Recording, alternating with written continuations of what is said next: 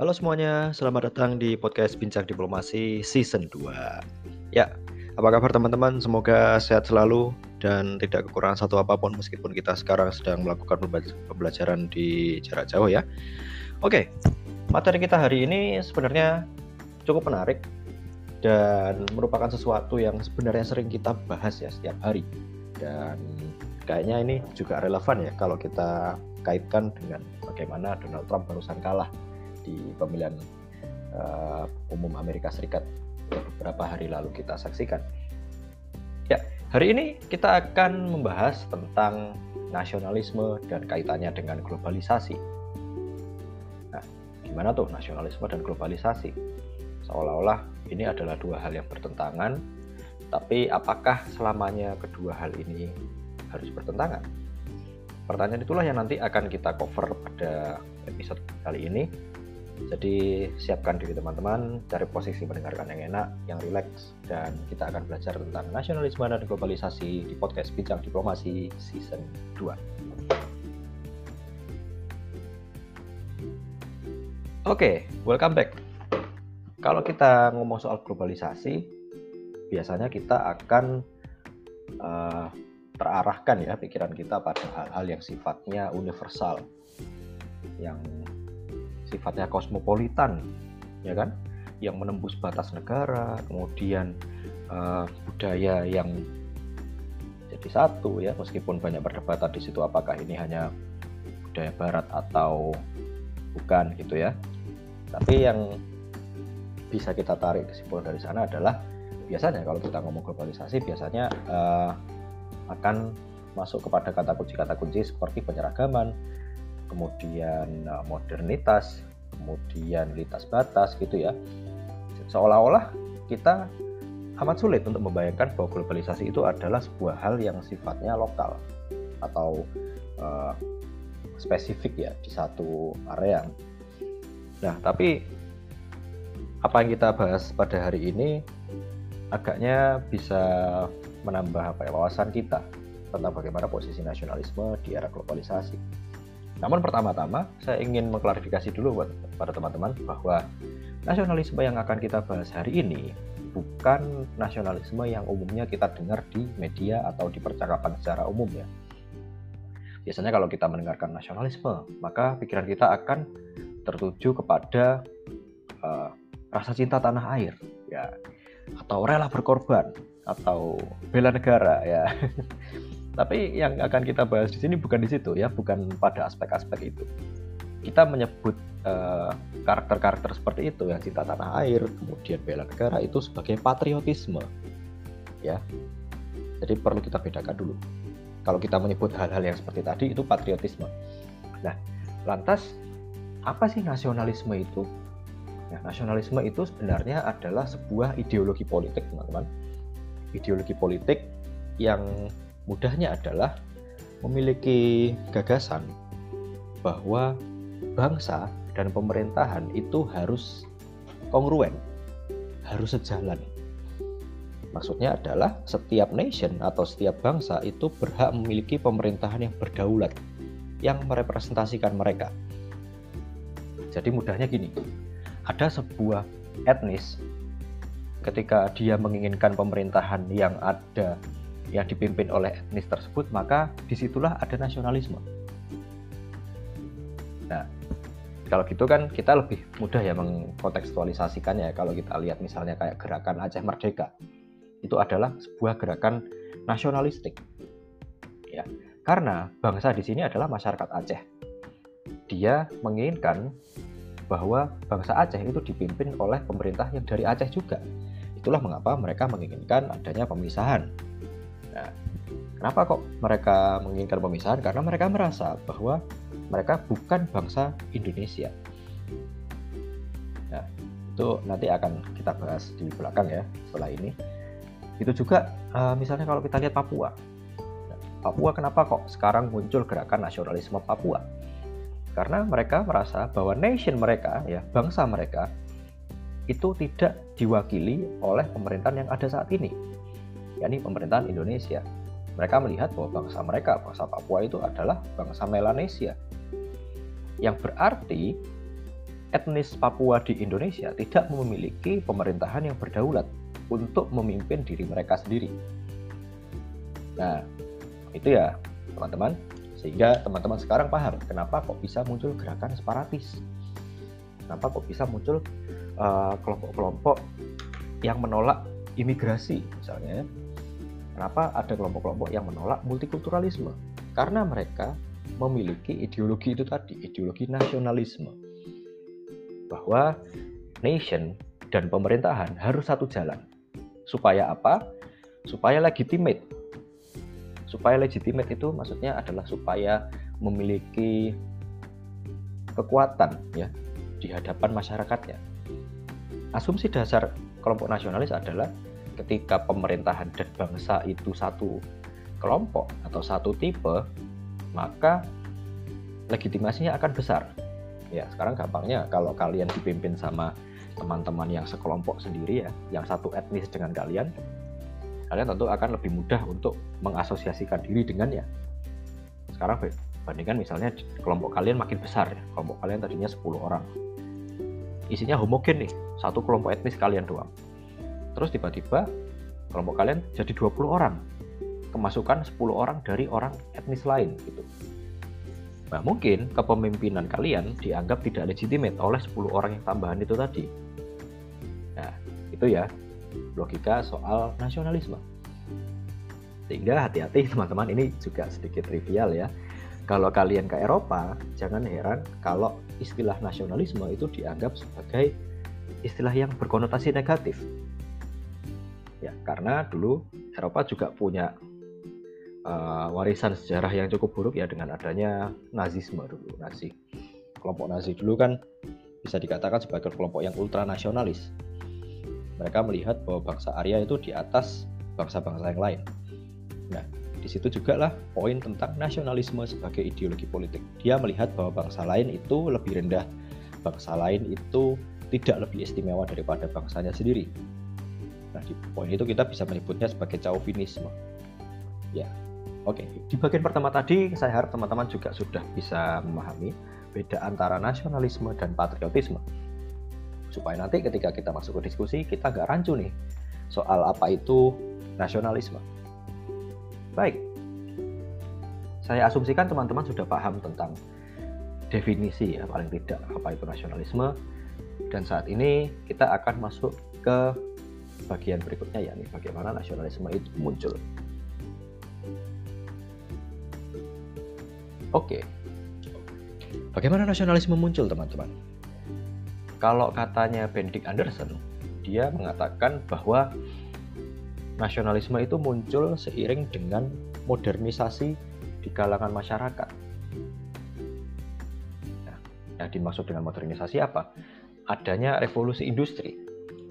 Dan uniknya, Benedict Anderson mengatakan bahwa nasionalisme ini munculnya karena adanya peran pers, ya.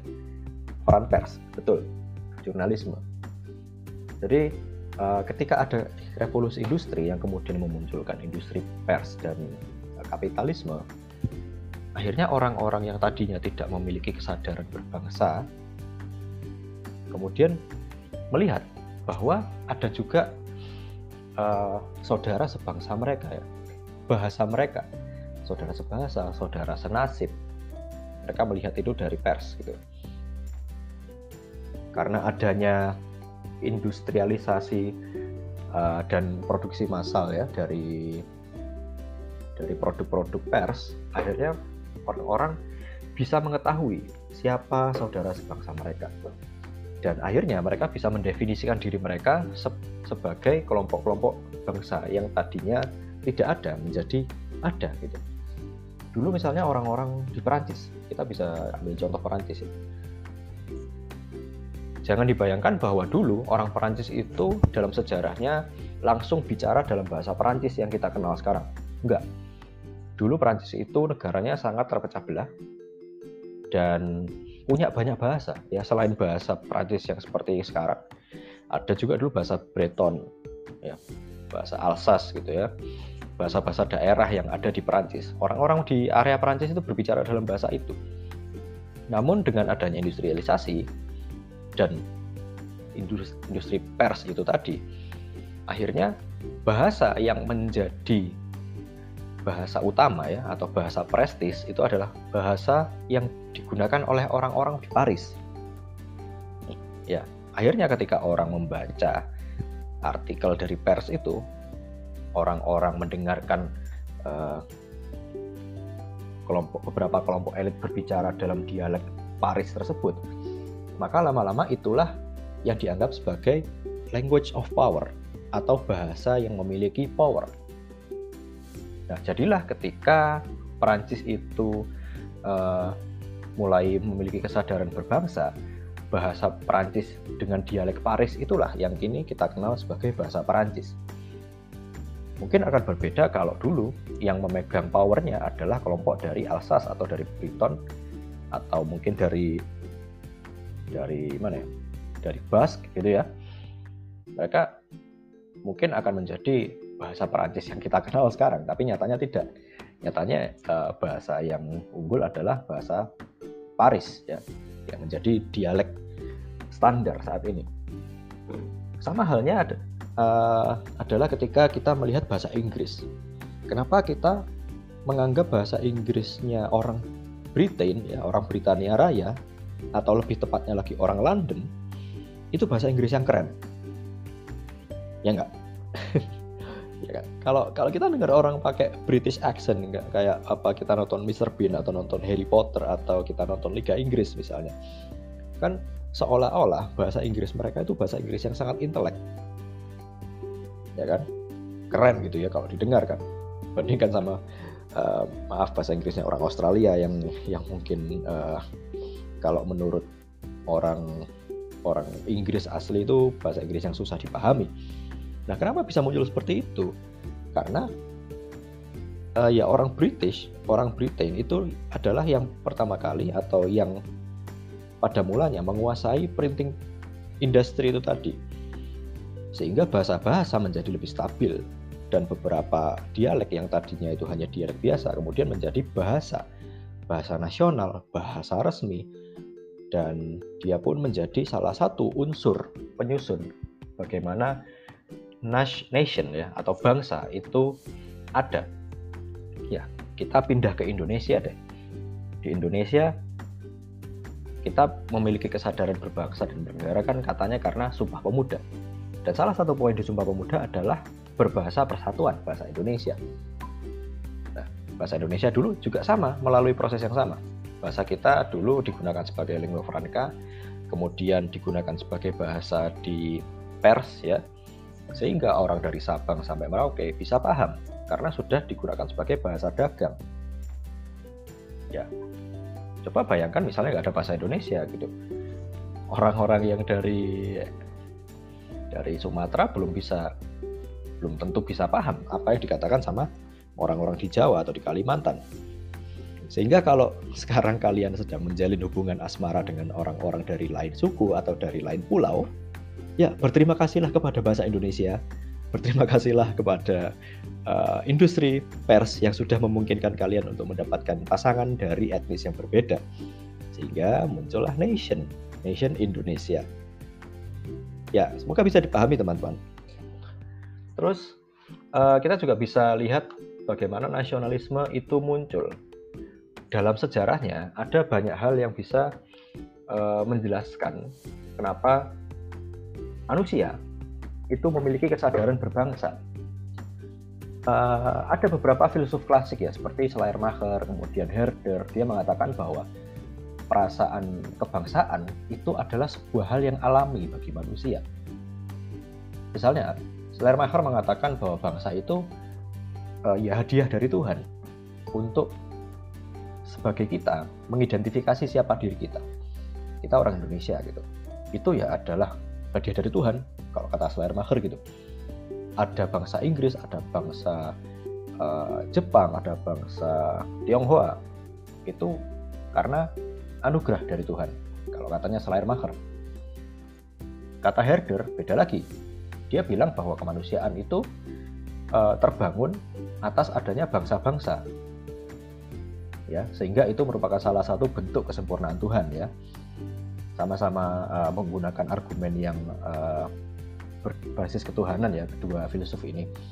Kalau Herder ini mungkin setara dengan di ajaran Islam kan ada ya diciptakan manusia itu berbangsa-bangsa supaya kita saling mengenal ya sama kalau kata Herder kemanusiaan itu memang uh, perlu ada bangsa-bangsa itu supaya kita ini bisa mengenali kebesaran Tuhan dengan lebih baik ya itu kalau katanya filsuf klasik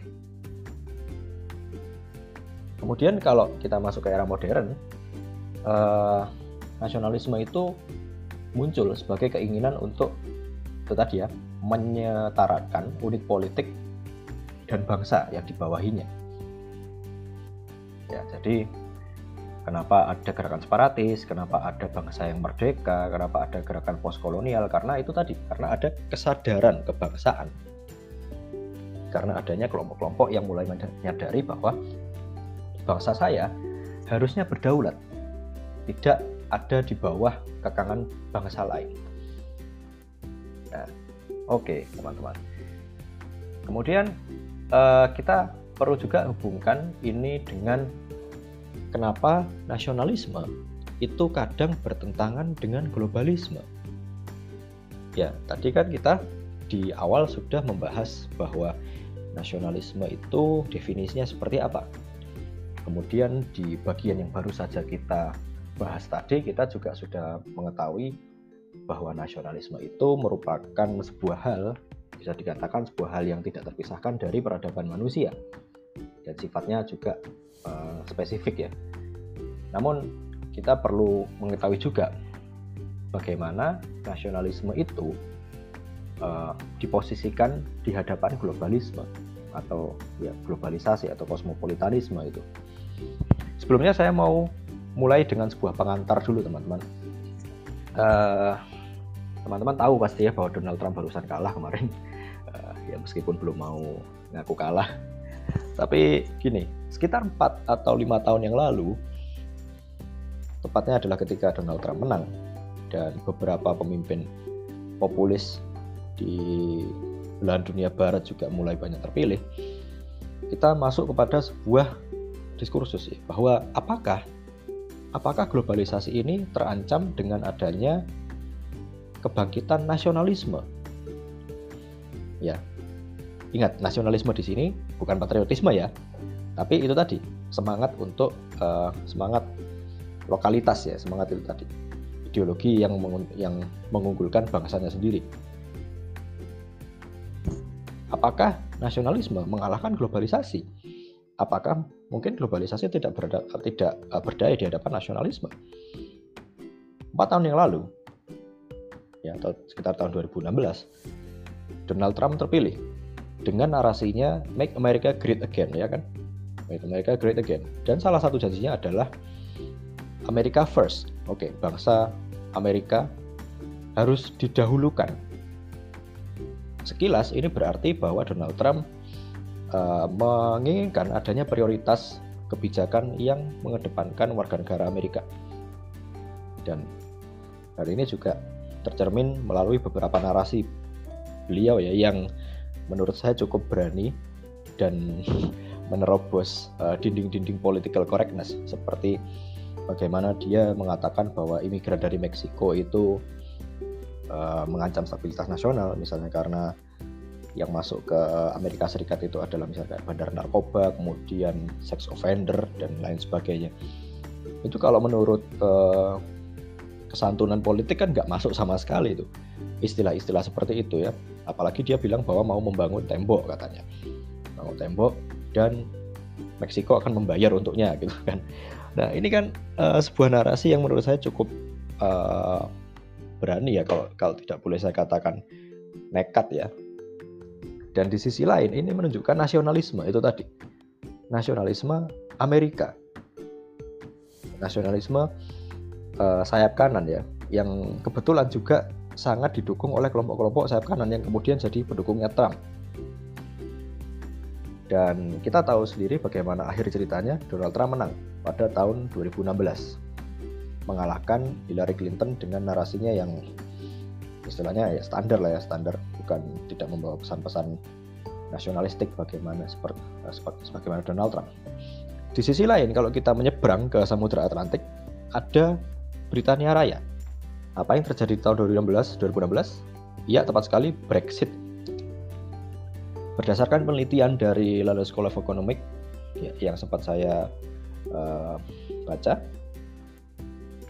salah satu alasan yang kuat untuk mendorong Brexit ya Kenapa masyarakat Britania Raya ingin adanya Brexit adalah salah satunya karena adanya persepsi bahwa imigran itu ingin uh, merebut ya, merebut jabatan, merebut lapangan kerja dari kelompok-kelompok lokal, kelompok-kelompok kelompok-kelompok bangsa Inggris.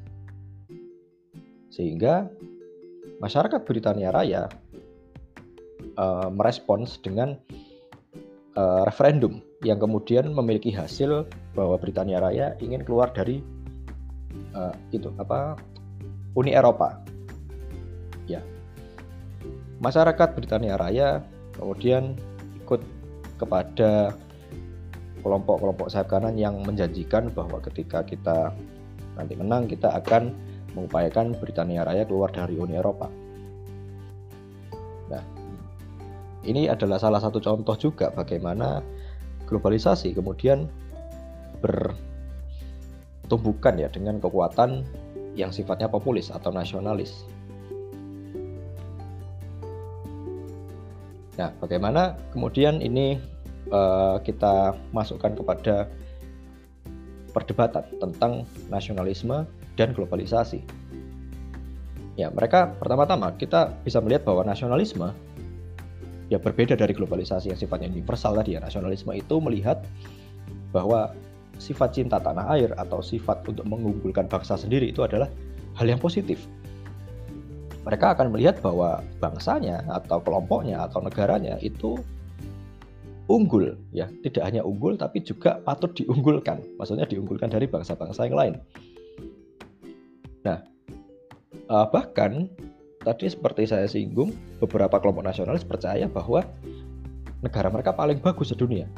Ya, kita lihat bagaimana pendukungnya Donald Trump sangat uh, patriotik sampai uh, mereka percaya bahwa Amerika is the best country in the world dan sebagainya sebagainya meskipun kita tahu sendiri bahwa banyak uh, kekurangan di dalam semua negara tidak hanya Amerika Serikat. Sehingga uh, narasi seperti ini tentu saja akan bertumbuhkan ketika kita berhadapan dengan asumsi globalis ya yang beranggapan bahwa dunia ini semakin interconnected. Dunia ini semakin terhubung, dunia ini semakin universal sehingga harusnya ya tidak ada tempat untuk kelompok-kelompok yang ingin mengunggulkan uh, nasionalisme sempit seperti itu tadi. Nah, masalahnya adalah uh, salah satu dimensi yang cukup bermasalah dari kelompok globalis ini kalau saya kutip dari Jonathan Haidt ya yang dari uh, bacaan kita pada minggu ini kaum globalis ini masalahnya adalah mereka semacam tercerabut dari realita.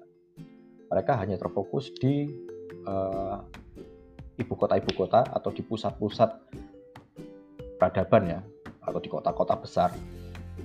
Sehingga uh, kemudian ini tidak bisa dirasakan ya. Tidak bisa kita sama ratakan dengan apa yang terjadi di kawasan pedesaan atau di kawasan rural. Atau di kawasan yang belum terurbanisasi.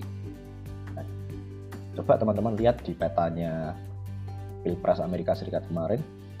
Lihat bagaimana kelompok sayap kanan atau kelompoknya Donald Trump itu banyak menang di area-area rural. Ya, di area pedesaan bahkan ketika di uh, di negara bagian yang Joe Biden menang, ketika diklik itu nanti teman-teman akan melihat bahwa banyak sekali zona merah di luar kota besar. Nah, hal ini mengindikasikan bahwa pertumbukan yang terjadi antara kelompok nasionalis dan globalis sebenarnya bisa juga merepresentasikan apa yang sudah kita bahas pada beberapa minggu sebelumnya, yakni tentang apakah apakah globalisasi itu menguntungkan bagi semua atau tidak? Ya kan? Apakah globalisasi ini lantas uh, bisa dirasakan oleh semua kalangan masyarakat? Atau jangan-jangan ini hanya menjadi uh, sarana yang dinikmati oleh kelompok-kelompok urban saja. Nah, di situlah kita juga harus bisa peka, teman-teman. Kita jangan hanya melihat uh, nasionalisme itu sebagai sebuah hal yang serba negatif, tapi kita juga bisa melihat bahwa nasionalisme ini adalah sebuah respons yang natural ketika ada beberapa value yang yang uh, dianggap sebagai value positif, namun nyatanya dia kurang bisa dirasakan oleh kelompok-kelompok yang termarginalkan. Dan kelompok-kelompok yang termarginalkan ini kemudian memiliki salurannya sendiri, yakni dalam bentuk uh, semangat-semangat nasionalistik itu tadi. Dan semangat nasionalistik ini kemudian diterjemahkan oleh politisi-politisi yang uh, ada di haluan sayap kanan tadi, seperti Donald Trump seperti Jair Bolsonaro kalau di Brazil, seperti Partai UKIP kalau di Britania Raya. Karena mereka mengumpulkan mengumpulkan narasi dari kelompok-kelompok yang marginal tadi kemudian diterjemahkan sebagai sebuah kebijakan yang menjanjikan bahwa mereka nantinya akan dikembalikan sebagai uh, sebagai kelompok yang yang bisa unggul di negara mereka sendiri. Ya, semoga teman-teman cukup paham ya dengan logika berpikir itu tadi. Intinya adalah uh, saya tidak mau memberikan jawaban final tentang apakah nasionalisme dan globalisasi ini akan selamanya bertentangan, tapi mungkin saya ingin mengulang kembali apa yang disampaikan oleh Jonathan Haidt tadi, bahwa kita harus bisa peka ya, apa yang sedang terjadi saat ini. Kita tidak bisa hanya melihat uh, dimensi seperti rasisme saja, tapi kita juga harus bisa melihat apakah apakah uh, kemudian value-value yang dibawa oleh globalisasi ini bisa dirasakan oleh semua orang karena pada kenyataannya pun muncul gap-gap ya yang terjadi ketika adanya globalisasi. Nah, jadi kita harus bisa melihat bagaimana setiap negara atau bagaimana setiap komunitas itu menghandle permasalahan, kemudian eh, bagaimana mereka melihat melihat munculnya ya munculnya sentimen-sentimen nasionalistik di dalam negara mereka dan bagaimana kita harus meresponsnya ter terutama tentang isu-isu yang uh, dialami oleh masyarakat di kelompok marginal. Baik, sepertinya uh, itu saja yang bisa saya sampaikan. Paling tidak teman-teman dari episode ini bisa paham bahwa nasionalisme dan globalisasi itu adalah dua hal yang saat ini seolah-olah dipertentangkan karena nasionalisme itu logikanya lokal, kemudian sangat spesifik, partikular di sisi lain, globalisasi logikanya adalah universal dan penyeragaman dan interconnectedness. Apakah dua hal ini bisa bersatu? Ya, saya persilakan teman-teman untuk memiliki argumen sendiri. Tapi yang jelas adalah nasionalisme sampai kapan pun akan tetap menjadi bagian dari peradaban uh, manusia. Karena dalam sejarahnya manusia selalu mengasosiasikan diri dengan kelompok-kelompok yang memiliki kesamaan dengan mereka. Nah, tentu saja ini akan menjadi tantangan tersendiri ketika globalisasi dengan segala janjinya uh, menginginkan adanya kesejahteraan bagi semua. Namun sejauh mana globalisasi bisa mengakomodasi perbedaan tersebut, ya kita akan bahas di pertemuan-pertemuan berikutnya. Baik teman-teman, sekian untuk episode kali ini. Semoga pembelajaran yang kita dapatkan pada hari ini bermanfaat dan bisa memantik pikiran teman-teman untuk uh, merenungi lebih jauh apa itu nasionalisme dan dampaknya di era globalisasi. Terima kasih dan selamat belajar. Sampai jumpa di episode berikutnya. See you.